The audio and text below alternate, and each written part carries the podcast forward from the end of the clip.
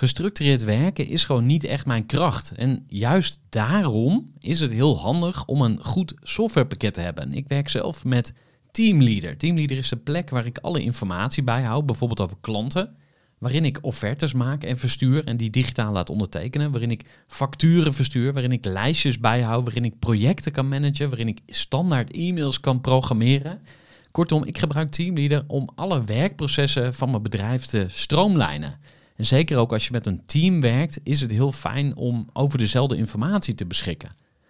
Nou, als je ook benieuwd bent of er mogelijkheden zijn om jouw bedrijf meer te stroomlijnen, of je nu alleen werkt of met een team, ga even naar teamleader.nl slash groeivoer en je kunt dan vandaag nog een trial starten voor twee weken lang, gratis. En je kunt Teamleader volledig uitproberen. En na de proefperiode krijg je ook nog zo'n leuke korting als luisteraar van Groeivoer. Ga naar teamleader.nl slash groeivoer. Gooi voor. Gooi voor. Gooi voor. Zoek je inzicht, inspiratie voor je eigen bedrijf. Wil je elke Welkom bij een nieuwe aflevering van de Groeivoer podcast, waarin je het verhaal gaat horen van Thijs Verheul. Hij was de co-founder van United Wardrobe, een bedrijf dat tweedehands kleding, vintage kleding, van eigenaar doet verwisselen. En uh, ze zijn een platform. En tegenwoordig wil iedereen wel een platform. Alleen er zijn er maar een paar die echt succesvol worden. Nou, United Wardrobe was daar uh, één van. Het bedrijf uh, bestaat nog, is inmiddels overgenomen. Dat hoor je straks. Maar ze hadden op het hoogtepunt 4,5 miljoen gebruikers. Ze verkochten meer dan 100.000 kledingstukken per maand. Nou, zie het even voor je op een berg. Hoeveel dat er eigenlijk zijn. En ze hadden 55 medewerkers. Nou, dat is toch een serieus team. Ze hadden 3,5 miljoen groeigeld binnen. En uiteindelijk werd het bedrijf verkocht aan Vinted. En ik sta hier tegenover uh, Thijs Verheul, een van de co-founders dus. Thijs, van harte welkom. Ja, hey man. Goedemiddag. Voor de kennis en ideeën van een interessante gast. Die zijn verhaal met jou wil voor. Ja, en jij bent jouw uh, ervaringen aan het delen en je kennis aan het doorgeven. En Ja. uh, nou, heel leuk dat je tijd wilde maken voor deze podcast. Laten we beginnen bij, uh, bij het begin. En ik vraag mijn uh, gasten eigenlijk altijd om ons voor te stellen Ja. aan wie ze vroeger waren. Dus wil je ons het voorstellen aan de kleine Thijs? Zo, ik was echt een irritant uh, mannetje. Ja, ik uh, had het stempel ADHD al heel snel gekregen. Altijd, uh, altijd ruzie met iedereen. Ik kom uit een heel klein dorpje, noemden ze me altijd uh, Thijs de Vuurtoren. Denk, en omdat ik heel rood haar had vroeger, maar ook omdat ik nogal een flamboyant, of ja, licht ontvlambaar kort lontje had. En uh, ja, ik wilde altijd beter weten dan iedereen. Dus ik kan me heel goed voorstellen dat ik, dat, als, ja, dat ik erg irritant was voor andere mensen. En uh, ja, ik vond pas eigenlijk een beetje rust toen ik ging naar de eerste ging van de middelbare school. Toen, uh, ja, toen kreeg ik dingen om te leren en zo. Toen zag ik dat echt als een uitdaging om hoge cijfers te halen. Eigenlijk compleet tegenovergestelde. Mijn moeder dacht, hé, wat zijn het allemaal voor hoge cijfers? We dachten dat Thijs uh, dit niet kon, maar vond het leuk om uh, ja, te presteren. En dat, dat zit er nog steeds in. Moet ik nu meteen mijn hele levensverhaal vertellen? Of? De, deel wat je wil. Uh, ik ben, ben, wel benieuwd bijvoorbeeld, hè, wat je zegt van ik deed dan van uh, gekke dingen of zo. Ja. Uh, waar, waar, moet ik aan denken? Ja, ja, ik heb wel eens een nachtje in de cel gezeten. Wat had je gedaan dan? Nou, uh, hoe, ga ik dat even netjes zeggen? Ja, ik was met een maatje van mij en uh, we waren denk ik 16 of zo, hadden we net een scooter. Dan gingen we ergens naar Gouda heen rijden en dan ging je altijd ergens een beetje stiekem een sigaretje roken en een, een biertje drinken. En uh, we stonden op een of ander pleintje en er was een, een paaltje, dat zat in de grond. En we hadden dat paaltje zo uit de grond gehaald en waren een beetje mee aan het overgooien. En opeens stond er overal politie en toen was er een zero tolerance beleid in Gouda. Als je geen idee bij je had, dan moest je door je ouders opgehaald worden als je onder de 18 was. Zo. En uh, mijn ouders waren die avond net uh, uit eten. En dat was echt nog de tijd dat je alleen een huistelefoon had en geen mobiele telefoon. Dus mijn ouders die kwamen thuis. Uh, en ja, die werden toen s'avonds pas na een paar uur weer gebeld door de politie. Van, hey, je zoon zit er. Dat soort dingetjes, ja. Is er ook een, een, deel van jou wat, wat achtergebleven is, wat je afgeschud hebt, uh, waarvan je zegt van, hé, hey, zo was ik vroeger, maar nu niet meer? Ja, um, voornamelijk denk ik mijn gedrag controleren. als ik, als ik kijk naar eh, toen we net begonnen met, met ondernemen, ja, dan hadden Jules en ik soms echt ja, ruzies. Eh, we zaten een keer in de trein eh, naar Berlijn. Dan zouden we met het hele team van United Wardrobe eh, een vakantie, eh, of ja, een werkvakantie hebben in Berlijn. Een appartementje gehuurd. En eh, ja, onderweg, Jules en ik, een hevige discussie. eh, en dan het ging echt heel vurig aan toe. En dan zei Rem... Een iedereen bij was? Ja, ja, ja, Rem, een van onze werknemers, altijd van... papa, mama, niet nu. En ik waren echt papa en mama van Ja. het team. En ja, achteraf zou ik dat niet meer zo openbaar doen. Dan zou ik zeggen, hey eh, we gaan nu eventjes een stukje verder lopen. En dan gaan we even een discussie met elkaar voeren, zoals Ja. volwassen mensen. Maar ik denk wel dat ik mijn gedrag beter onder controle heb. Af en toe nog steeds denk ik van, hmm, is het wel slim om, om zo uit mijn slof te schieten soms? Maar soms is dat ook nodig, maar ja, ik, ik heb wel dat stukje Thijs hopelijk achter me gelaten, die zeg maar zijn gedrag niet kan controleren, denk ik. Eh, helaas zijn er geen anderen om het aan te vragen, maar eh, ik geloof je. En ehm, misschien nog, nog even over je, over je jeugd. Eh, is Ja. er iets wat, ehm, eh, wat je van je ouders hebt meegekregen? Wa- Wat heb je bijvoorbeeld van je vader? Wat heb je van je moeder? Ja, mijn moeder is lerares op een basisschool. Dus ik vind persoonlijk dat ik een hele goede opvoeding heb gehad. Want ja, ze heeft het eerst bij honderden andere kinderen gedaan voordat ze mijn broertje en ik kreeg. En ehm, ja, mijn moeder was wel altijd ja, toch, wel, toch wel wat strenger dan mijn vader. En eh, mijn moeder, mijn ouders hebben me nooit eh, gedwongen om te gaan studeren of zo. Maar ja, we gingen toch wel altijd naar musea's. En ehm, ik kon met mijn moeder altijd over school praten. Ehm, en mijn vader meer gewoon zijn werkethos, vroeg opstaan, hard werken. En ja, toen ik 13 was, ging ik al bij hem aan de slag. Glazen wassen, schilderen in eh, Den Haag en omstreken. En ja, ik zag al dat hij was gewoon onafhankelijk. Dus als hij zin had om drie uur om naar huis te gaan, dan ging hij om drie uur naar huis. En had hij zin om tot acht uur door te werken om nog even wat af te maken, dan deed hij dat. En ehm, ja, zeg maar dat eh beetje vrijbuiters bestaan is wel iets wat ik altijd ambieerde. Ik dacht bij mezelf altijd al van ja, ik wil ook gewoon zelf de baas zijn, zelf alles inplannen. En dan kan ik het beste doen. Dus eh, ja, dat heb ik denk ik wel meegekregen. Ja, want eh, het, het was een schoonmaakbedrijf. Ja. Glazenwassers. Maar dat zijn ja. ook wel een beetje boefjes. Ja, ik wil geen dingen zien die er niet zijn, maar ik dat weet is het, eh, bekend... Toen ik, eh, ik, was denk, ik ging voor de vijfde of zesde keer mee of zo. En toen ehm, stond ik dus met een... eh, eh, mijn vader had toen een, andere jongen bij hem werken. En eh, opeens belde mijn vader van... Oh, er staat er een in de wijk. En eh, ja, toen, eh, werd er op, toen trok mijn vader opeens iemand van de ladder... die in zijn wijk stond schoon te maken. Ja, Ja, want dan moet je even uitleggen voor de mensen die dat, dat eh, niet kennen. Wat, wat ja, gebeurt er ja, dan het is natuurlijk helemaal fout. Maar ja, kijk, als glazenwasser heb je gewoon een wijk. En dat is jouw wijk. Daar heb je al je klanten. En als dan opeens iemand anders in jouw wijk je klanten... Ja, dat, eh, dat gaat het er niet altijd netjes aan toe. En ja, de beste man is ook al 73. Dus ja, hij is gewoon een ander stempel. En ja, als je in zijn wijk zit... Ja, dan moet je niet in zijn wijk gaan zitten. Ja, ik zou het persoonlijk niet zo, eh, zo meer doen. Maar... Hij, heeft, hij is inmiddels ook al met pensioen en hij heeft nog een paar huisjes die hij nu schoonmaakt. Hij doet het al een paar jaar niet meer. Maar ja, dat is toch eh, de glazenwascultuur. Hè? Ja, dat, dat is toch, je blijft van elkaars wijk af. Want ja, als je gatenkaas hebt, zo noemen ze dat. Dus als je zeg maar een straat hebt met een paar klantjes, ja, dan is het niet meer echt rendabel. Je wil doorlopen. Ja, of het ethisch verantwoord is, is natuurlijk een tweede. En ik denk dat het ook wel een uitstervende tak van beroep is natuurlijk. Maar ja, dat is hoe dat vroeger ging. En mijn vader heeft ook ja, 40 jaar geleden of zo, toen heeft hij die wijken ook overgekocht. Dus toen ja, dan wordt zo'n straat een keer een bepaald percentage van de omzet en dan mag jij de straat doen. Ja, en als dan opeens iemand in jouw straat staat die jij hebt, ooit hebt gekocht, ja, ja.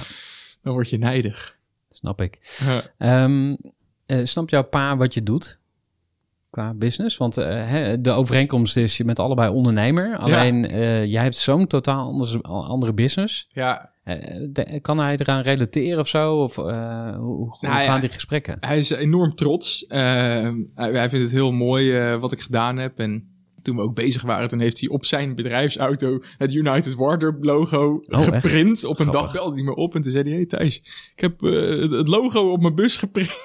Terwijl hij daar gewoon komt schilderen en zo. Mensen begrepen niet. Die Mm, dachten, is dat de United Wardrobe auto of zo? Nee, dat is voor mijn zoon. Maar eh, ja, ik heb hem laatst dus uit moeten leggen hoe die nou... Want op Marktplaats stuurt hij dan altijd dingen naar mij door. En dan stuurt hij altijd een foto van zijn scherm. Ik heb hem laatst dus uitgelegd hoe hij een link naar mij moet sturen. Ja, dat, dat kost gewoon even, want ja, de beste man is 73. Maar ik denk niet als ik hem uitleg hoe een server werkt en hoe frontend en backend werkt en wat het verschil is tussen een iOS-applicatie en een Android-applicatie, dat het echt door gaat dringen. Want ja, het is echt een generatieverschil. Maar ja, hij snapte natuurlijk wel dat we een marktplaats voor kleding hadden.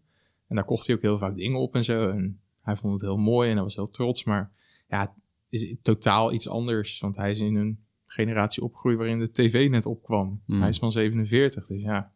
Ja, dat is toch wel Dat een hele is andere wel wereld. echt iets anders, ja. Ja, zijn- er volgens jou universele principes van ondernemerschap? Ja. eh, waarvan je ziet van, hé, hey, dat deed hij, maar dat doe ik ook. En waarschijnlijk geef ik dat ook weer door aan de volgende generatie. Ja, als je vindt dat jij gelijk hebt als ondernemer, dan ga je ervoor. En dan ga je verder dan wie dan ook. Want wat heel veel, ja, ik denk mensen missen die niet ondernemen is, ja, het is heel plat om te zeggen, maar Je mag generaliseren en daarna Ja. nuanceren. je hebt een visie en daar ga je gewoon keihard voor. Wij dachten echt, wij gaan de allergrootste kledingmarktplaats ter wereld bouwen. En daar geloofden we echt heilig in tot aan de overname. Uiteraard heb je je twijfels soms, maar als je met een team zit en je hebt gewoon één doel, dan ga je daar gewoon met z'n allen vol voor. En ja, die twijfel die schuif je aan de kant. En ik heb zeker ook honderdduizend keren getwijfeld uiteraard. Maar dan was er Jules altijd die me weer kon overtuigen van door te gaan.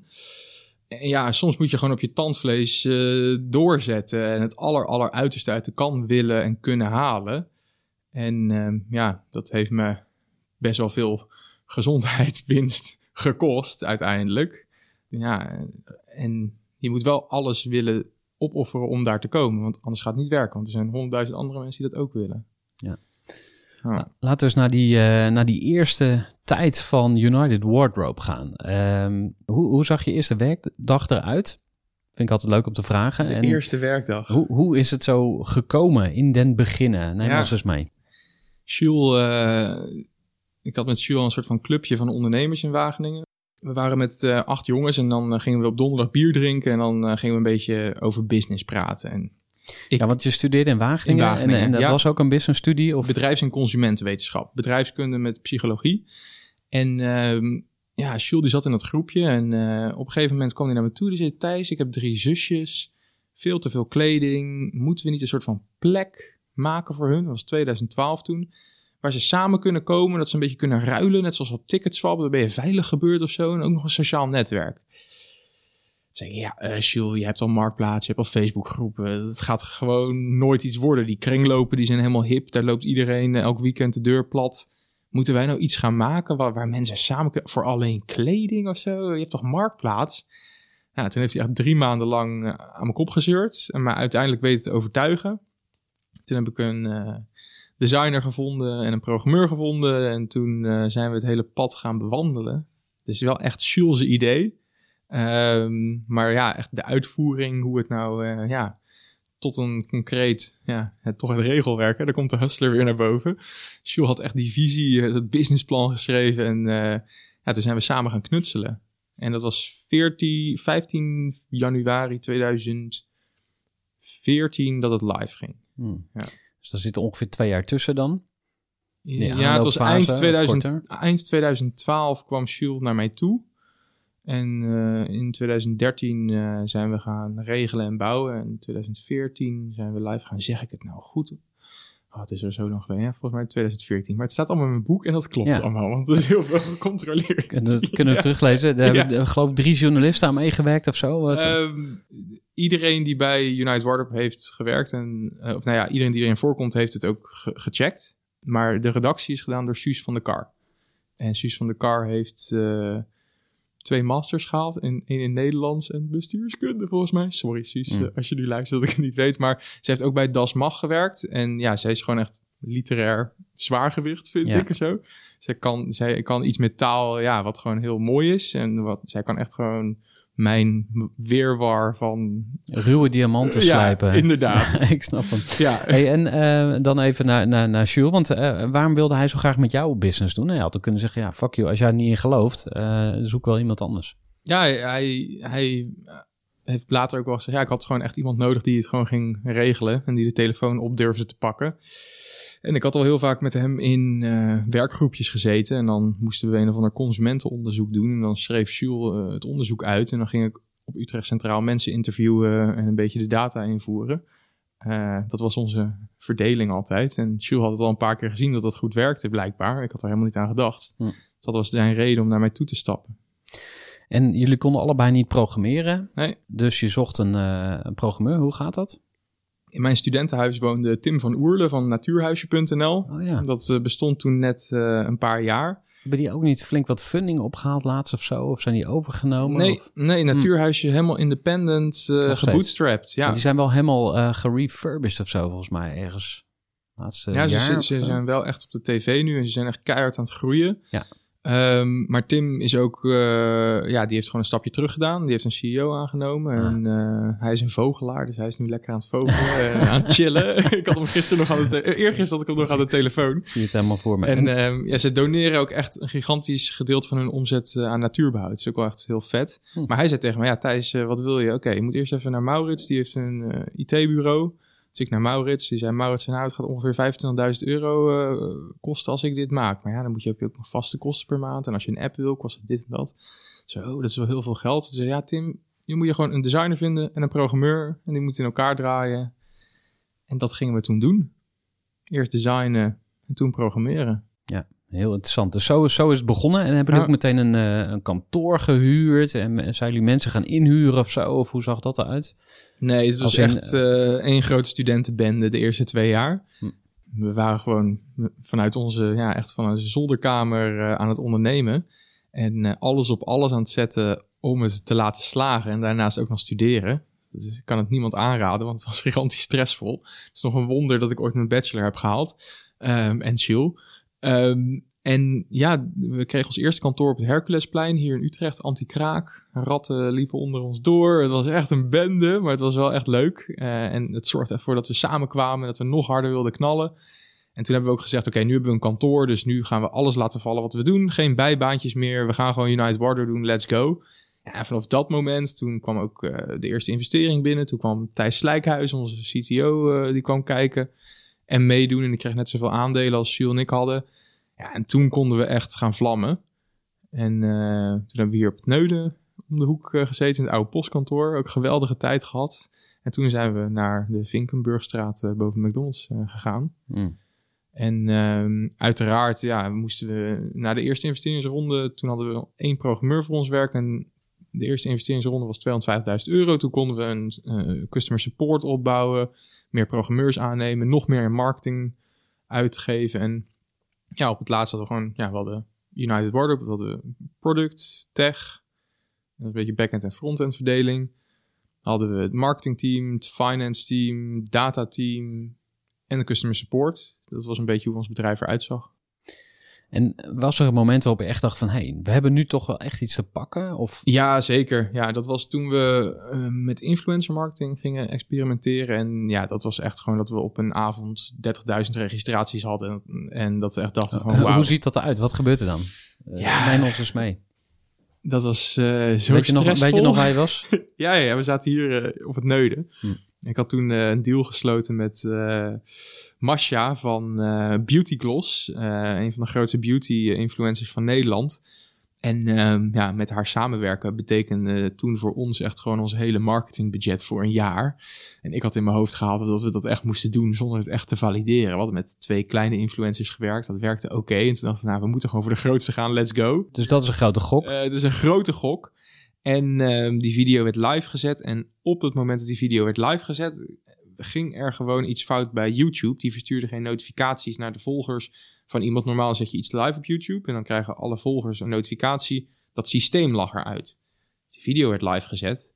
En na een half uur had hij nog maar 500 views. En wij zo, oh jezus, ik krijg normaal 150.000 views. Wat- is dit? Het zijn wel hele dure views, views dan. Ja, toen Jules en ik eh, zijn toen eh, naar, de, naar een kroeg gelopen op de Oude Gracht. En eh, ons maar gewoon een beetje moed eh, of verdriet weg gaan drinken.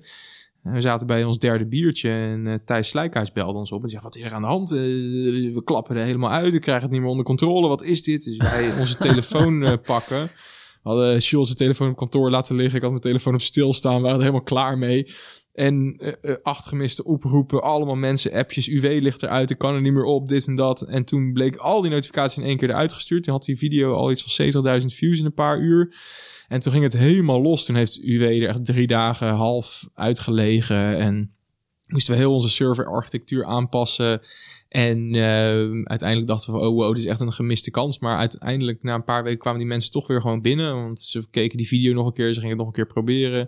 We hadden wel gelukkig gewoon een e-mailadres, dus we konden even mailen van, hey, sorry, het is verkeerd gegaan. Maar nu kan je wel weer de app downloaden en normaal registreren. En uh, ja, toen, vanaf dat moment, toen was het echt van, oké, we moeten met elke influencer die er is werken. En we gaan het gewoon uitschalen. En dit is het moment. En ja, dat, dat was zo vet. Toen waren we gewoon heel jong, 23, 24 jaar. En in elke stad waar we kwamen, vrienden van... Oh, wow, uh, mijn vriendin gebruikt United Wardrobe. En oh, ik heb dit, deze sneakers heb ik hier gekocht. Ja, dat geeft zo'n kick dat je gewoon echt impact maakt. Dat je gewoon iets doet wat duurzaam is en wat iedereen gebruikt. Dat is zo uniek en zeldzaam. We hebben zoveel geluk gehad natuurlijk. Ja, dat was wel echt kicken. Dat en je echt van, wow, we hebben gewoon iets gemaakt wat in Nederland gewoon iedereen gebruikt. Nu moeten we het over de hele wereld uitbreiden. Dat is niet helemaal goed gegaan, maar we zijn heel ver gekomen. Ja, want jullie hebben meerdere landen natuurlijk uh, uiteindelijk ook uh, opgestart. Gaan we het zo nog over hebben. Um, want ja, het klinkt dus inderdaad precies het goede moment om, om dit te lanceren. Echt de, de golf hebben we hmm. gesurfd. Ja. ja. En misschien om even goed te begrijpen hoe, hoe het bedrijf werkt. Um, want hoe verdienen jullie daar geld mee? Ja, dus de transacties die kwamen bij ons binnen. En die hielden wij vast tot en met een koper zei van... hey, alles is goed, je mag de verkoper uitbetalen. En dan pakten wij 10%. Ja, want ticketswap uh, hadden we dat afgekeken. Oké, ja. En we vroegen 1,99 transactiekosten. Um, daarnaast hadden we ook wat deals met de, de verzendpartijen. PostNL hadden we een integratie mee gebouwd met UPS, DHL. En uh, ja, zo beheerden we eigenlijk de transacties. Dat vonden mensen heel prettig, want ja, er was gewoon heel veel oplichting online. Zeker met duurdere sneakers en kleding. Uh, hoe het vaak ging op Facebook was dat, en de marktplaats, dat mensen zeiden, oh, ik wil wat wel kopen, ik maak geld uh, naar je toe. En uh, naar je over.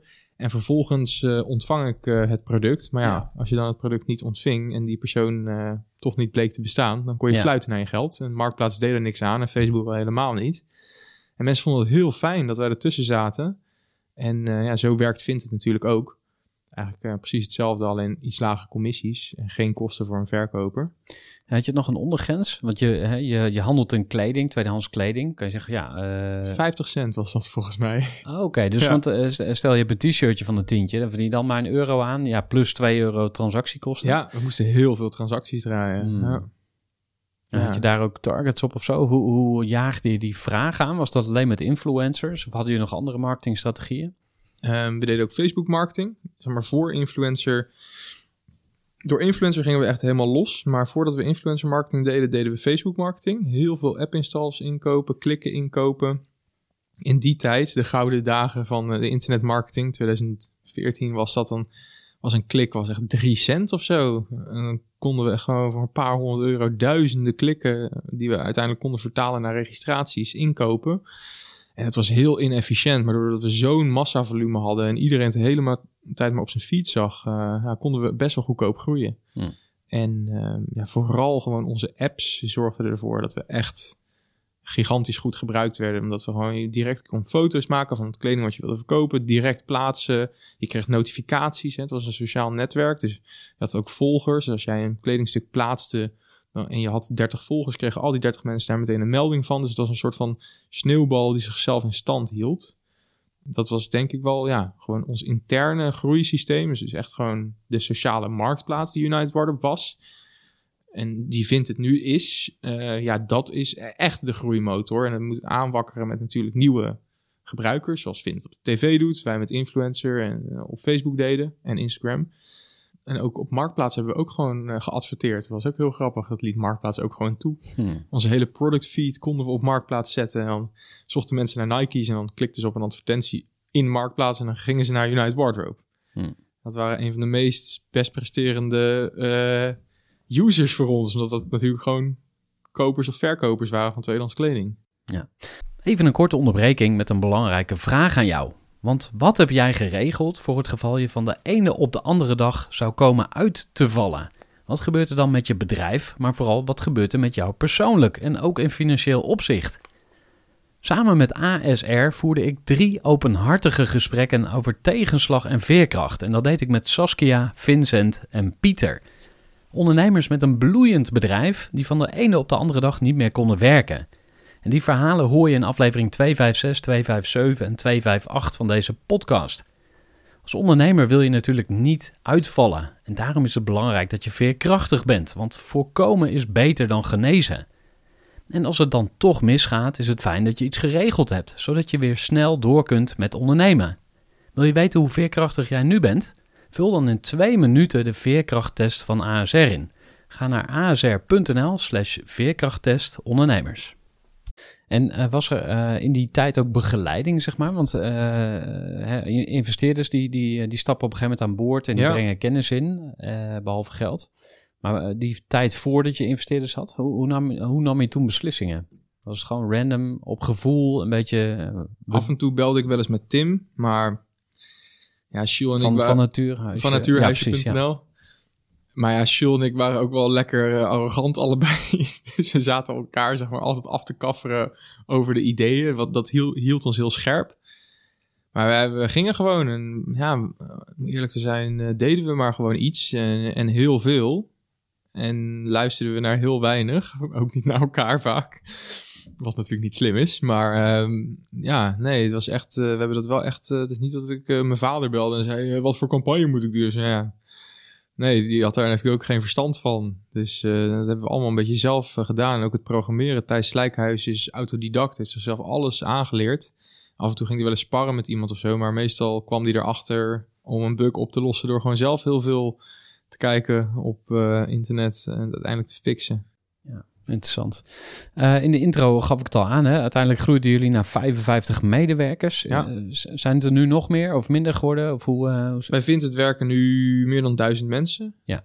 Hoofdkantoor zit in Vilnius, maar ehm, ja, toen we overgekocht werden, toen hadden we een iets kleiner team, want we waren wel efficiënter gaan werken. Toen zaten we rond de 25, 40 man. Ja. Want we wilden dus naar Frankrijk gaan en met heel veel geld, eh, maar dat ging allemaal niet heel erg goed. Dus uh, een beetje teruggeschaald uiteindelijk in 2018. En door corona hebben we uiteindelijk weer een keiharde groei eh, op kunnen pakken.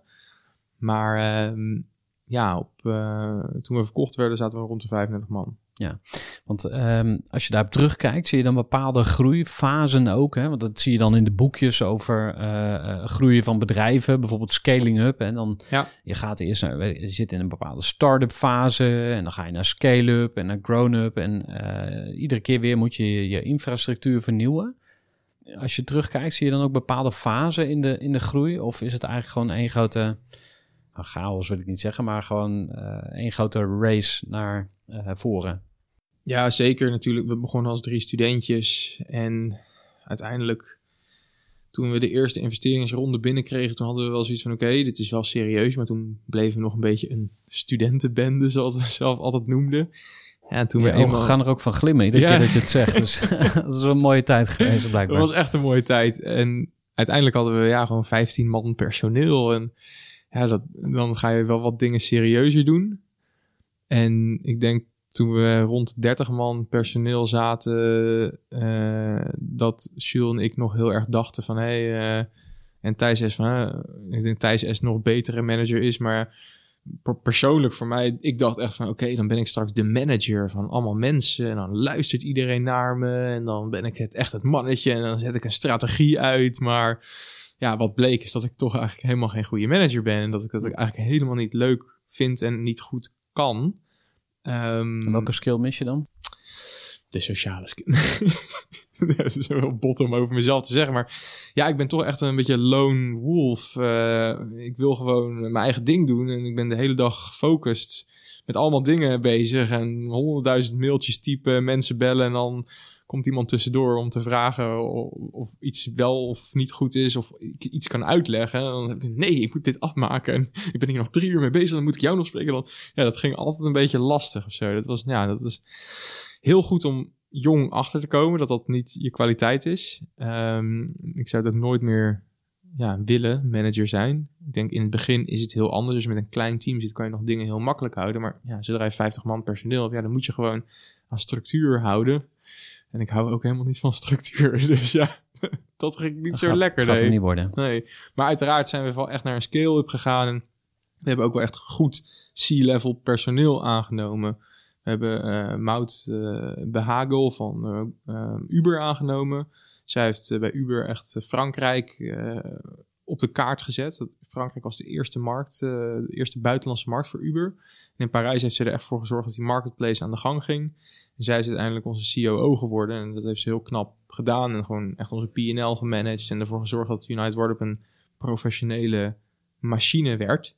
En, en, en ja, dat is toch, als je een start-up ondernemer bent, ja, dan kan je heel makkelijk van 0 naar 1. Maar dan die scale-up fase zie je heel veel ondernemers nat gaan. Je moet wel echt van goede huizen komen. Zo- Zo'n Adriaan Mol of zo'n Jitse Groen die er nog steeds in zit. Mark Zuckerberg zit er ook nog steeds in. Of dat goed is, ik weet het niet. Wat ze doen is allemaal gigantisch knap. Maar ja, weet je, dat, dat is natuurlijk ja, dat is heel uniek. Dat je ook als ondernemer nog zo ver kan komen en de CEO kan blijven. Ik zie me persoonlijk dat niet meer doen. Een nieuwe onderneming, als ook dat starten. Echt gewoon er vol voor gaan, funding ophalen, keihard groeien. Maar dan nou, op als de tent, eh, denk 20, 30 mensen heeft, misschien 40. Dat ik dan ook zeg, oké, we gaan nu gewoon goed C-level personeel aannemen. En ik ga weer iets anders doen als het kan. Want dat is denk ik waar mijn krachten liggen. En ook waar Jules' krachten altijd eh, lagen. Om echt iets van 0 naar 1 te brengen. Zero to One eh, moet ik aan denken van Ja, Peter, Peter Thiel, Thiel, eh, ja. bekend eh, boek. Ehm, misschien mooi om even naar, naar het onderwerp schalen en groeigeld eh, te gaan dan, want die had ik als eh, subonderwerp over jullie groeireis eh, opgeschreven. Ja. Je, je stuurde mij via de mail een paar afkortingen en ik moest even gaan googlen, want Oh, je had jee. het over de CAC en de CLTV. Nou, je had het net ook al over de, de P&L, de profit and loss. Die Ja. ken ik dan nog wel, maar dit moest ik googlen. Ehm, leg even uit eh, wa- wat, eh, wat die termen inhouden en waarom die zo belangrijk zijn. Ja, voornamelijk ook als je een, een, platform hebt, een app of een iets online business, eh, dan heb je nieuwe gebruikers nodig. Dus heb je acquisitiekosten, Customer Acquisition Costs, oftewel CAC, CAC. Ehm, dat is eigenlijk gewoon ja, de prijs die je betaalt voor een nieuwe gebruiker. Of gewoon je totale marketingkosten gedeeld door je nieuwe gebruikers. En ehm, die acquisitiekosten zijn heel belangrijk. Want als je gewoon goed weet, hè, als een nieuwe gebruiker 10 euro kost en hij levert ook eh, in een jaar gemiddeld 10 euro op, nou, dan, dan ben je dus wel goed bezig, maar nog niet helemaal. En als die customer acquisition kosten lager zijn dan je lifetime value, ja, dan ga je helemaal lekker. Want dan heb je een gelddrukmachine, hè, dus dat is heel plat geslagen. En ja, als je een, platform hebt zoals United Wardrobe of een ander platform, moet je de hele tijd heel veel nieuwe gebruikers inkopen. Via tv, via Facebook, via influencers, via wat voor kanalen dan ook. Of het moet uit zichzelf gebeuren, maar dat is heel moeilijk te sturen.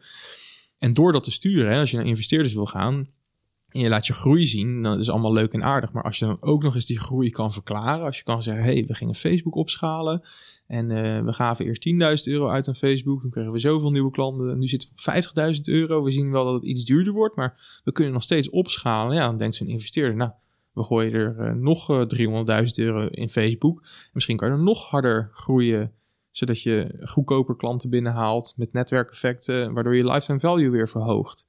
En dat spelletje gewoon de hele tijd. Hè, wij vinden, zie je dat natuurlijk op de tv. Bij alle andere bedrijven is dat spelletje, dat is gewoon het spel wat je moet spelen.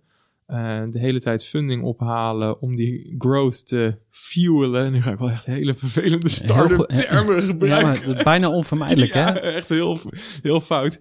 Maar ja, dat is toch wel een beetje gewoon hoe je je bedrijf, eh, hoe je een internetbedrijf eh, laat groeien. Gewoon hele goedkope acquisitiekosten proberen te fixen via een paar kanalen die heel goed gaan. En de hele tijd nieuwe kanalen proberen en testen. En dan weer afschieten en weer opnieuw proberen. En die customer lifetime value steeds maar hoger proberen te laten worden. Ik doe nu met mijn hand een gebaar omhoog, maar dat Ja, zien goed. mensen thuis natuurlijk niet eh, die luisteren. Ja, dus, dus de customer acquisition cost, customer lifetime value, heel goed weten wat je acquisitiekosten zijn per kanaal. En gewoon één kanaal monsterlijk hard uitschalen, zodat je monsterlijk veel nieuwe users krijgt die een monsterlijk hoge customer lifetime value, CLTV, hebben. Ja, en dan ga je lekker. En als je dat laat zien aan investeerders, nou, ik weet precies hoe ik groei en ik groei keihard, dan zegt iedereen, hier is geld, ga meer, Ja. meer groeien. Want had je het gevoel dat ze snapten waar je het over had? Of zaten ze glazig aan te kijken van, nou ja, jij, jij zal het wel weten. Hè? Je bent zo'n nieuw kid on the block die eh, Facebook advertising snapt.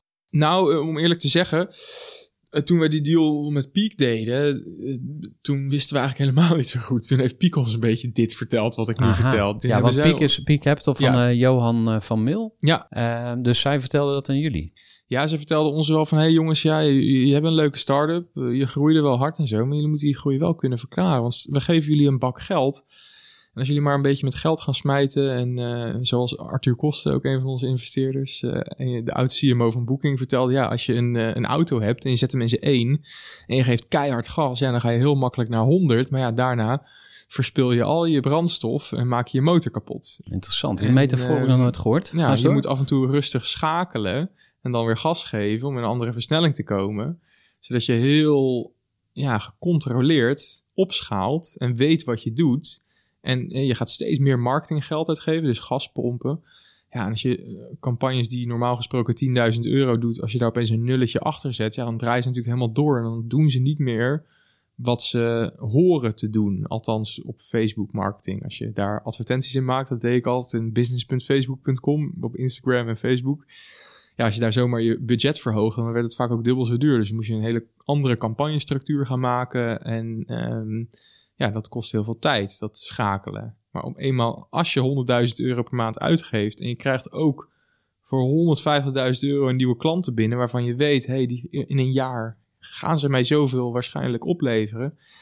Ja, dan ben je echt groot business aan het doen. En dat is hoe je als platform moet denken of als internet startup. En, eh, want ik hoor je dat een paar keer zeggen, hè, van eh, dit- dit, zijn lessen voor internetbedrijven. Maar eh, zou je die dingen ook kunnen toepassen op gewone mensen, Ja, stervelingen? ik denk dat een sportschool ook gewoon zo moet werken. Een sportschool, de Basic Fit, die moet ook weten wat, wat kost een nieuwe klant. En die gaat zoveel abonnement betalen. Daardoor kunnen we zoveel campagnes doen voor zoveel geld. Ja, dat is denk ik wel bijna door te vertalen.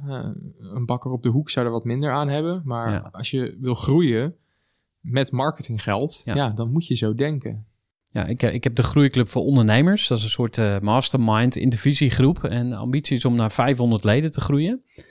Dus dan is die vraag net zo relevant eigenlijk. Van, ja, Ja. eh, hoe kom ik aan, aan nieuwe klanten? Wat, wat kost het om één nieuwe klant ja, binnen te halen? En hoe lang blijven ze? Ja. Dus eigenlijk is het een universele les, zou je kunnen zeggen. Ja, je weet ook heel goed, bijvoorbeeld je zit op 15 januari, je kijkt naar je data en je ziet gewoon, hey, ik moet echt nog 100 nieuwe mensen hebben om mijn targets te halen. Nou, je weet dat eh, een, nieuwe persoon 10 euro kost om binnen te hengelen. Dan weet je gewoon dat je 1000 euro moet uitgeven en dat moet allokeren, eh, of misschien wat meer, om je targets te halen.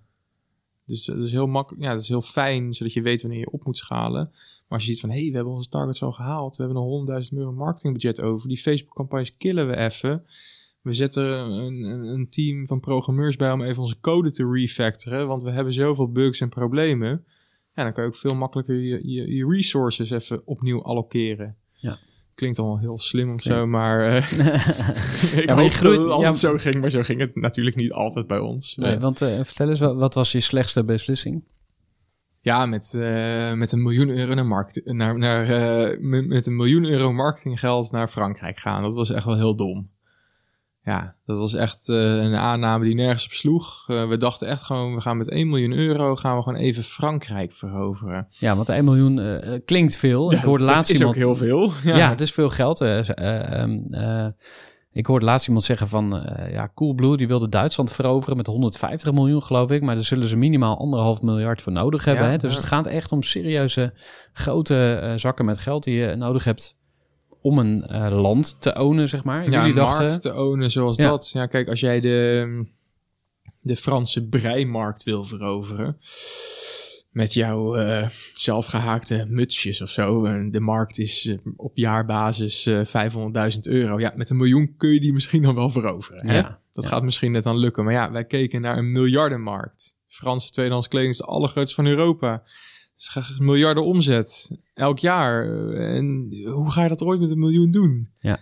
Dat, en het, we maar zijn hoe zijn jullie ver dan toch eh, tot, die- tot die keuze gekomen? ja, dat is heel dan- jong en eh, onbezonnen. En we hadden Frankrijk getest naast Duitsland. En we zagen dat Frankrijk zoveel goedkoper was. De influencers waren zoveel goedkoper. Echt een derde van de prijs van de influencer kosten in Nederland. En ook de registraties waren zo goedkoop. Omdat er zoveel Fransen dat wilden gebruiken.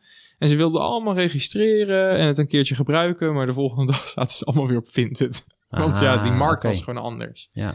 En ja, Ja. jij sprak, je sprak ook Frans, geloof ik. Er was ook nog een persoonlijk Een Tintje peu, aan. Een petit peu. Ja. Ja. ik ben een klein beetje francofiel. Ja, je moeder is half Frans, eh, hoorde ik in een Ja, andere ja, podcast. ja, ja, ja, de half, half Franse roots. eh. Ja. Maar, Ja. maar heb jij het er dan doorgedrukt, zeg maar? Eh, Trek je gewoon die, die foute beslissing ook naar je toe? Nee, dit was natuurlijk een geza- We hadden gewoon echt we hadden die investering van Piek gehad. was echt, oké, we gaan eh 50.000 euro in Frankrijk uitgeven, marketing. 50.000 euro in Duitsland. Aan het einde van het kwartaal leggen we dat even naast elkaar. Nou, toen was gewoon met kop en schouders Frankrijk veel efficiënter. Toen was het gewoon, oké, we gaan door op Frankrijk. En dat was best wel gewoon een gezonde beslissing, denk ik, ook voor die fase. Alleen hadden we gewoon die expansie, hadden we gewoon in Nederland moeten doen en niet in Frankrijk. We hadden gewoon al het geld moeten gebruiken om ook in Nederland op de tv te gaan. En, maar we hadden de aanname dat de markt van tweedehands kleding nooit zo groot zou kunnen zijn. Ik had in mijn stoutste dromen niet kunnen durven dat het een miljardenmarkt, kunnen dromen dat het een miljardenmarkt zou kunnen worden. Dat, dat, dat begrepen we gewoon echt niet. Dat het zo groot kon worden. Ook nu in Nederland eh, dachten echt dat we met United Wardrobe gewoon, ja, dat het nou kunnen misschien eh, 30, eh, 40 procent maand op maand eh, nog een beetje doorstomen of zo. Maar toen we eenmaal samen gingen met Vinted, ja, toen zag je gewoon, het kan gewoon nog vier, vijf keer groter. Dat is Hmm. echt insane. Want eh, een vraag die net bij me opkwam was van hoe, hoe, hoe doe je marktonderzoek? Want je zei, eh, we deden een beetje onderzoek naar die markt in, in, in Frankrijk. Hè. Er moet ergens een moment geweest zijn dat je wat getallen bij elkaar ging Ja. eh, zoeken of googlen. Of heb je dat uitbesteed aan een partij? Of, Dat was Eh, voornamelijk Jules eh, die dat deed. En ehm, ja, ik kan nu heel slim, slim overkomen, maar we hebben echt maar gewoon een beetje lopen hannissen of zo. We hebben maar gewoon af en toe een avondje een beetje gekeken en een beetje op aannames, want we waren gewoon lekker aan het groeien. Dus dan wil je daar alleen maar op focussen. Ehm, maar we hebben niet echt, een, nee, niet echt een, een echt een gedetailleerde. Natuurlijk wel voor ons pitch deck hebben we het een beetje in kaart willen brengen. Maar de manier waarop vindt het bijvoorbeeld nu echt een markt bekijkt en onderzoekt. En ja, dat, dat is wel echt gewoon next level. Ja, dat, bij Coca-Cola of Pepsi is dat niet anders. Bij elk groot bedrijf eh, zit er gewoon een professionele tak die gewoon in de gaten houdt van waar staan we nu in de markt? Wat moeten we doen om, onze positie te versterken? Moeten we consolideren? Moeten we agressiever in onze marketing gaan? En die, die, dat is een heel strategy team dat de board adviseert.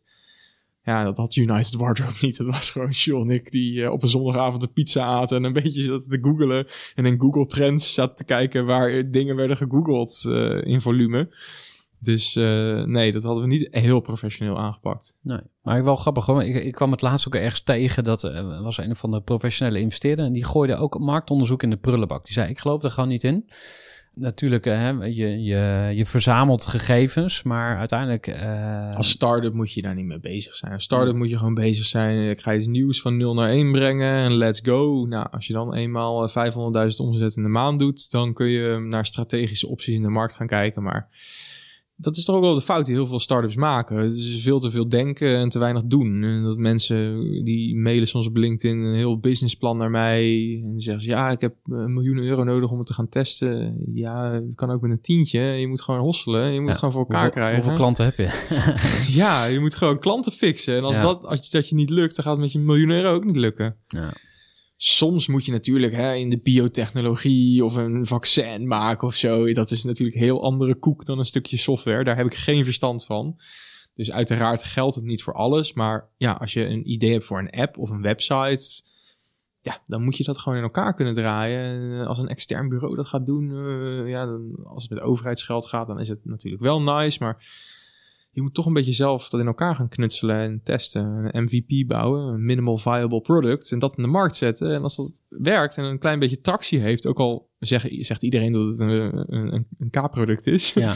eh, dan zie je wel dat er tractie is. En als je eenmaal tractie hebt en het bestaat, ja, dan kan je verder bouwen. Maar als je het in de markt zet en iedereen zegt, hm, ik weet het niet, ja, dan weet je ook al een beetje dat het niet helemaal kan werken. Even naar de, eh, het team, de taakverdeling. eh, had ik ook opgeschreven als, als, eh, als onderwerp over die groeireis. Hè? Want je bent met co-founders begonnen. Jullie hadden een, een soort van rolverdeling. Dat heb je waarschijnlijk pas later zo gelabeld. Maar de hipster, de hacker en de hustler. Ja. Of in ieder geval een variant daarop. Ja, Jij was de hustler. Ja, ik was. Een, om eerlijk te zijn, dit hebben we allemaal een beetje pas later dat we inzagen dat het zo zat. Ja, ja, natuurlijk. Ja. En ehm, ik had toevallig net eh, Jasper van eh, Money Monk, eh, ook een Utrechtse start-up, aan de lijn. En die vertelde ook dat hij het samen met zijn broer. En zijn broer is ook heel erg van de data. En hij is ook heel erg van het eh, hosselen. En toen zei ik, ja, dat is eigenlijk gewoon een hele mooie complementaire samenstelling van een team. En als ik nu weer een team zou bouwen, zou het liefst weer met Jules en Thijs zijn. Maar als het niet zou kunnen, dan zou ik weer ja, gewoon een heel rustig persoon vinden. Een, een, een kalme, ja, rationele optimist. En, en zeker als je software bouwt, ja, dan wil je gewoon iemand die kan programmeren en je managementteam hebben. Want je wil niet de hele tijd alles uitbesteden. Je wil het gewoon goedkoop maken. En als iemand een goede CTO is die ook aandelen wil, ja, dan moet je dat meteen doen.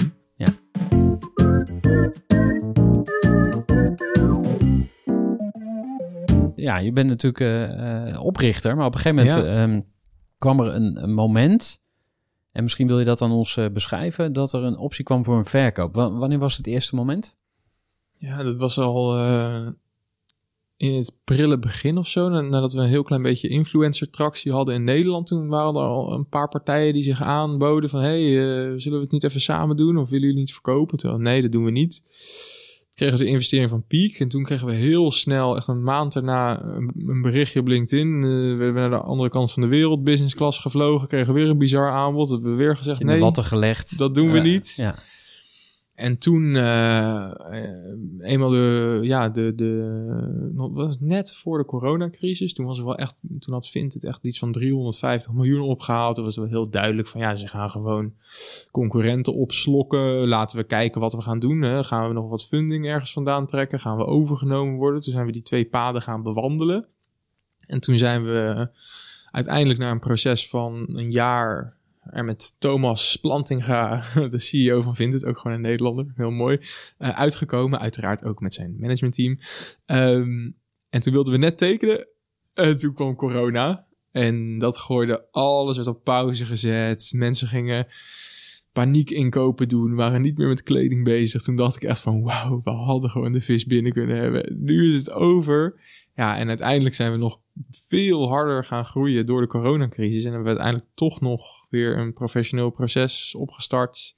En vindt het ons toch nog overgenomen. Ja, kon je de dealvoorwaarden toen nog verbeteren, zeg maar? Of was dat... eh, mag ik helaas niks over zeggen. Oké, want ik kan me voorstellen dat ehm, eh, je een bepaald eh, bedrag afspreekt of zo, of een bepaalde eh, package eh, deal. En eh, ik hoorde iets over dat eh, mensen tijdens corona hun kast gingen opruimen Ja. of zo. En, en dus daardoor ook veel meer eh, transacties gingen doen bij Ja. jullie. Ja, het is echt. ja, dit is, dit is ook weer echt ondernemen. En af en toe, dit was gewoon voor ons, uiteraard. Voor heel veel ondernemers, de horeca kan me niet voorstellen om een restaurant te hebben. Maar ja, voor de internetondernemers waren het gouden tijden. De, de kledingwinkels waren dicht, de tweedehandswinkels waren dicht. Ja, iedereen ging gewoon bij ons kleding kopen en Ja. verkopen. Want ze hadden gigantisch veel tijd en ze verveelden zich. Plus sommige mensen waren een beetje bang dat ze minder gingen verdienen. Dus dachten ze, nou, ik verkoop wat kleding om wat extra geld te hebben ja, dan wil je een kledingmarktplaats zijn eh, in die tijden. En ehm, ja, dat is meer geluk dan wijsheid dat dat zo is gelopen. En soms voelt het natuurlijk ook wel een beetje fout of raar of zo. Dat het voor ons zo goed is gegaan. eh. Ja, terwijl er hier eh, op het neuden de ondernemers eh, ja, in de kou zitten. is toch wel een beetje vreemd. Eh, je zei net even tussen neus en lippen door van ja, de, of je zei ik kan niet zoveel vertellen over die deal. Wat je misschien wel kan delen is waar jij denkt dat ondernemers op moeten letten als ze een bedrijf gaan verkopen. Wat zijn voor jou de lessen geweest bij de exit, de verkoop aan Vinted? Nooit laten zien dat je wil verkopen. Je wil natuurlijk altijd heel opportunistisch overkomen met... hey, we zijn keihard aan het groeien, het gaat gewoon goed. Oh, jullie willen ons kopen? Dan moet je echt met een goed bedrag komen. Met die uh, mentaliteit moet je erin gaan. Nou, persoonlijk, ik maar ben dat kan je natuurlijk toch niet faken dan? Of, nee, daarom daarom ja. hebben we dat door professionals laten doen. We zijn geholpen door uh, Drakestar.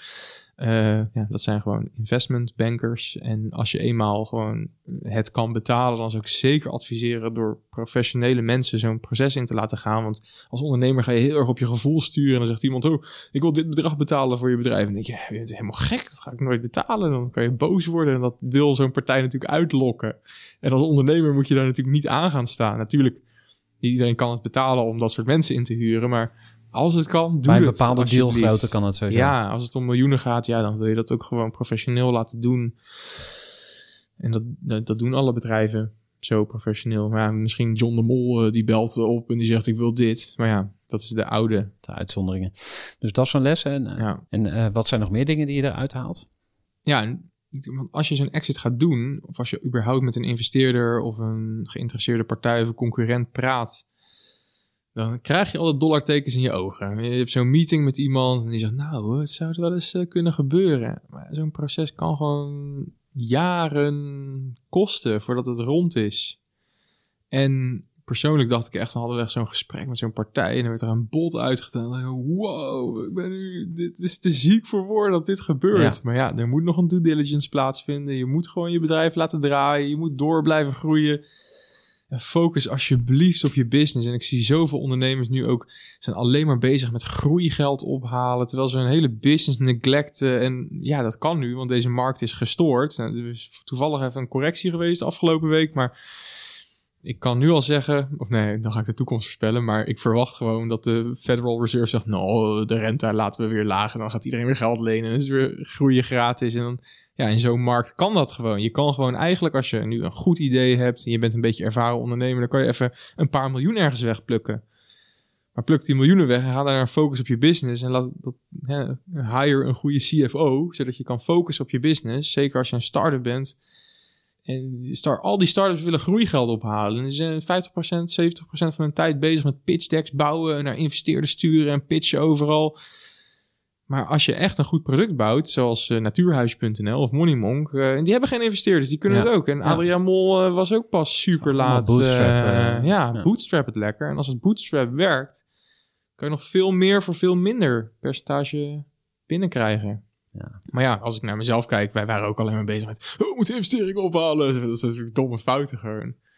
Ja, We gaan eh, nog even naar jouw toekomst eh, kijken, want we zitten alweer eh, ruim Oh, over het uur. de glazen ehm, bol. ja, en wat ga je nu doen?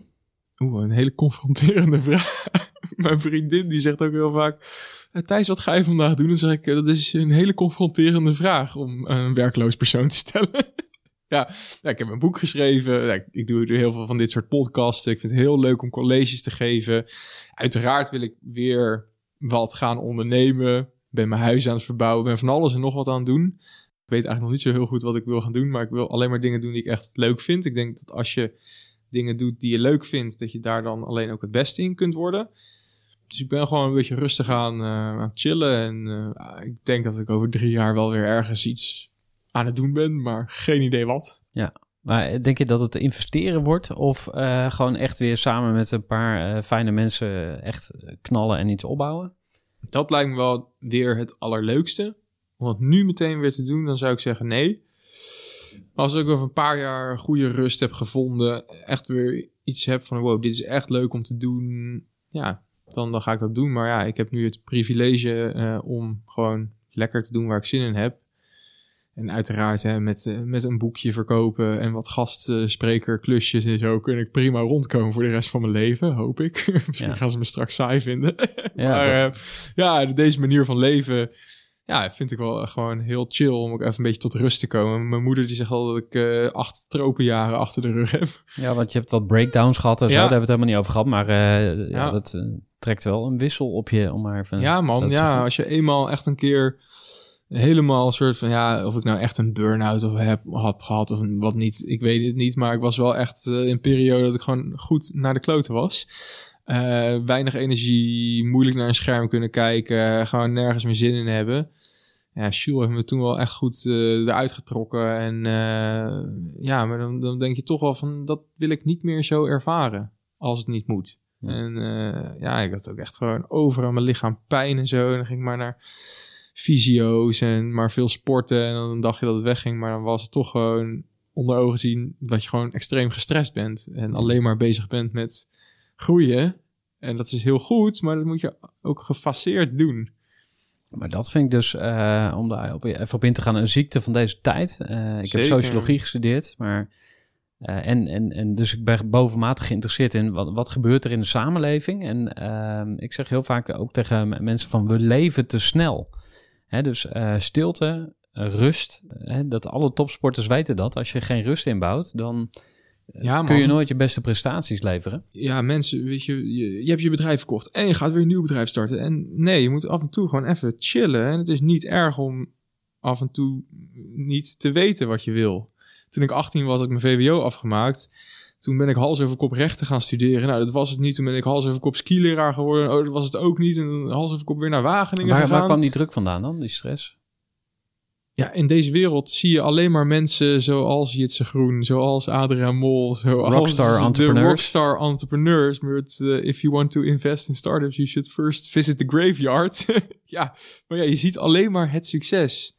Je ziet dat, eh, eh, vroeger zag je dat natuurlijk ook, maar in mindere mate. Maar ja, onze cultuur is zo gefixeerd op consumeren. Ik rij een Porsche, dus ik ben beter dan jou. Ik woon in een villa, dus ik ben beter dan jou. Ik kan studeren.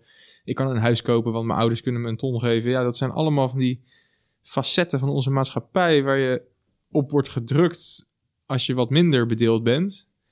En eh, ja, of ik nou minder bedeeld was. Maar ja, ik, ik kon geen jubelton van mijn ouders krijgen om een huis te kopen in Ja. de Randstad.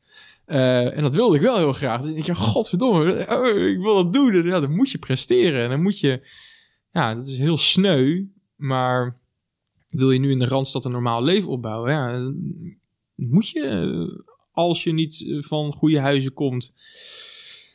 Eh, ik heb het wel eens met vrienden, eh, een goede vriend van mij, Jay, hebben, hadden we het laatst over. Dan moeten eigenlijk een soort van kapitalisme trofee bedenken. Van oké, op een gegeven moment heb je gewoon, laten we zeggen, 10 miljoen euro eh, verdiend of zo. Of 10 miljoen euro aan bezittingen.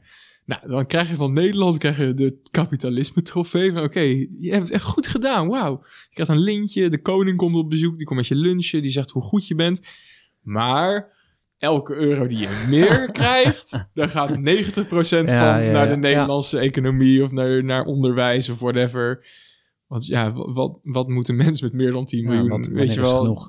Ja, wanneer is het genoeg inderdaad? En ja, dat, dat moet, het is natuurlijk heel makkelijk om voor mij dat soort dingen te zeggen. Eh, daar ben ik me heel erg van bewust. Maar ja, of het nou 10 of 1 of weet ik veel miljoen moet zijn. Maar op een gegeven moment moet het toch een soort van. Inderdaad, moet er gewoon een trofee komen. Hey, je hebt het goed gedaan. Echt nice. Volgens mij moet je de politiek in.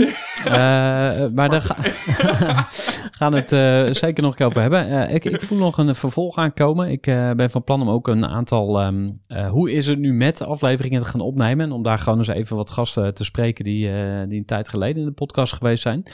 Dus ik kom graag in de toekomst een keer eh, bij jou vragen van... hey, hoe Ja, sta je nu bij? Ja. Ehm, hier op tafel staat ook een, eh, een eh, doosje en er zit een badge in. Thanks man. En, is, dat, is dat die kapitalistische trofeeën? Nee? nou, het, li- het lijkt erop. Nee, het is een toegangsbewijs voor de Groeiclub voor Ondernemers. Oh, nice. ehm, eh, nou, zoals ik al zei, ik ben bezig om de Groeiclub verder te laten groeien. En wat ik eigenlijk voor me zie is een soort ecosysteem waarin eh, ondernemers elkaar helpen. En dan ondernemers van, van alle niveaus. Oké. Eh, dus ik ga een groeiclub junior starten voor jonge ondernemertjes, eh, scholieren. voor studenten, en, maar ook gewoon volwassen ondernemers, investeerders, eigenlijk, eigenlijk van jong tot oud. En ik heb nu al een hele mooie groep ondernemers bij elkaar, maar het lijkt me heel leuk om jou ook een keer daarbij uit te nodigen. Ja, nice man. Dus, Lachen. ja. Elke maand hebben we een fysieke bijeenkomst, dus het is geen online ding, maar echt ja, elkaar zien. Oké. En, In eh, Utrecht.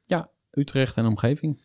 Nou, dat is eh, helemaal eh, mijn achtertuin. Dus, Ja, daarom. lachen Thuis- man. thuiswedstrijd. Thanks. We gaan afsluiten en ik vraag mijn gasten altijd om een soort recap te doen. Als volgt. Als jij terugkijkt op jouw ervaring tot nu toe als mens en als ondernemer, wat zijn dan je drie beste lessen voor andere ondernemers? Als ondernemer eh, in een groeibedrijf, dat je eerst heel goed je groei moet be- begrijpen en dan pas mensen moet gaan aannemen. Ja, dat je mensen om je heen zoekt die complementair zijn. Hè? Dus je moet zelf goed bedenken van, hey, ben ik die hipper, die hacker of die hustler? Als je een hele goede programmeur bent, ga alsjeblieft een marketingman zoeken. Als je een marketingman bent, zoek iemand met visie en ook nog iemand die kan programmeren. En de derde, nou, dat het af en toe ook genoeg moet zijn en dat je, ehm, het klinkt heel filosofisch, maar ja, dat je gewoon af en toe bereik je dingen en dan moet je het gewoon goed vieren. En dat deden we bij United Startup ook niet altijd. Dat we echt trots waren op waar we kwamen. Dan hadden we net een nieuwe investering opgehaald en dan stonden we in de bardrobe en dan vroeg ik van, yo, Jules, eh, kom speechen. En dan zat hij weer aan de telefoon met iemand en wilde hij iets afronden. Van, wauw, we hebben net een zieke investering opgehaald. Dus je sky is the limit. We zijn, hoeven geen geld op te halen de komende jaren. En altijd maar doorgaan en meer willen. En af en toe is gewoon genoeg. Moet je even stilstaan, even chillen. Loop het Pieterpad, zoals de Santiago. Of eh, doe iets semi-spiritueels of zo. Kijk even een beetje terug op wat je allemaal hebt gedaan. Ja, en eh, tel je zegeningen. zo cliché. Nee, maar je, Ja. de kern van waarheid, eh, ja, die, voel, die voel ik wel. thanks. Dankjewel, Thijs. Graag gedaan. Ja, en tot zover deze aflevering van de Groeivoer podcast. Ik hoop dat je er weer veel inspiratie uit gehaald hebt. En ik wil je heel erg bedanken voor het luisteren. Ik ben ook op zoek naar manieren om deze podcast te laten groeien. En daar kan ik jouw hulp goed bij gebruiken. Een van de manieren waarop je mij zou kunnen helpen is door deze podcast door te sturen naar iemand in jouw netwerk. Wat ook heel fijn zou zijn, is een review op iTunes. Dus als jij een review op iTunes achterlaat, dan komt de Groeivoer podcast hoger in de ranking.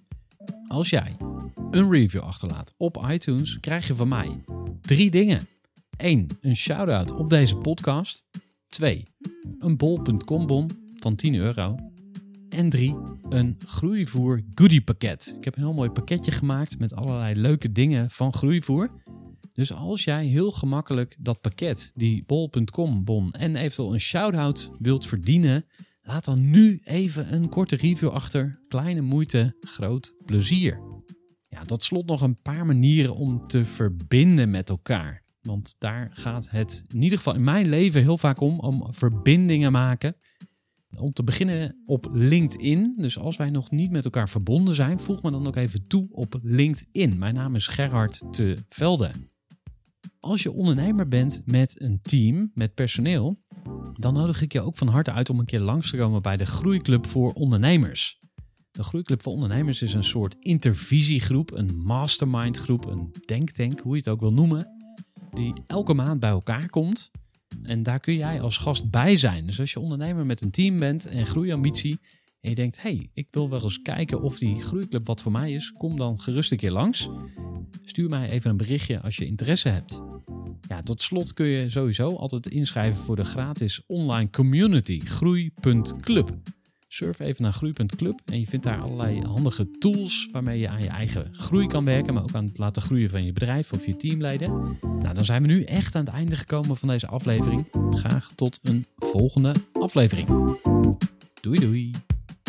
Gooi voor.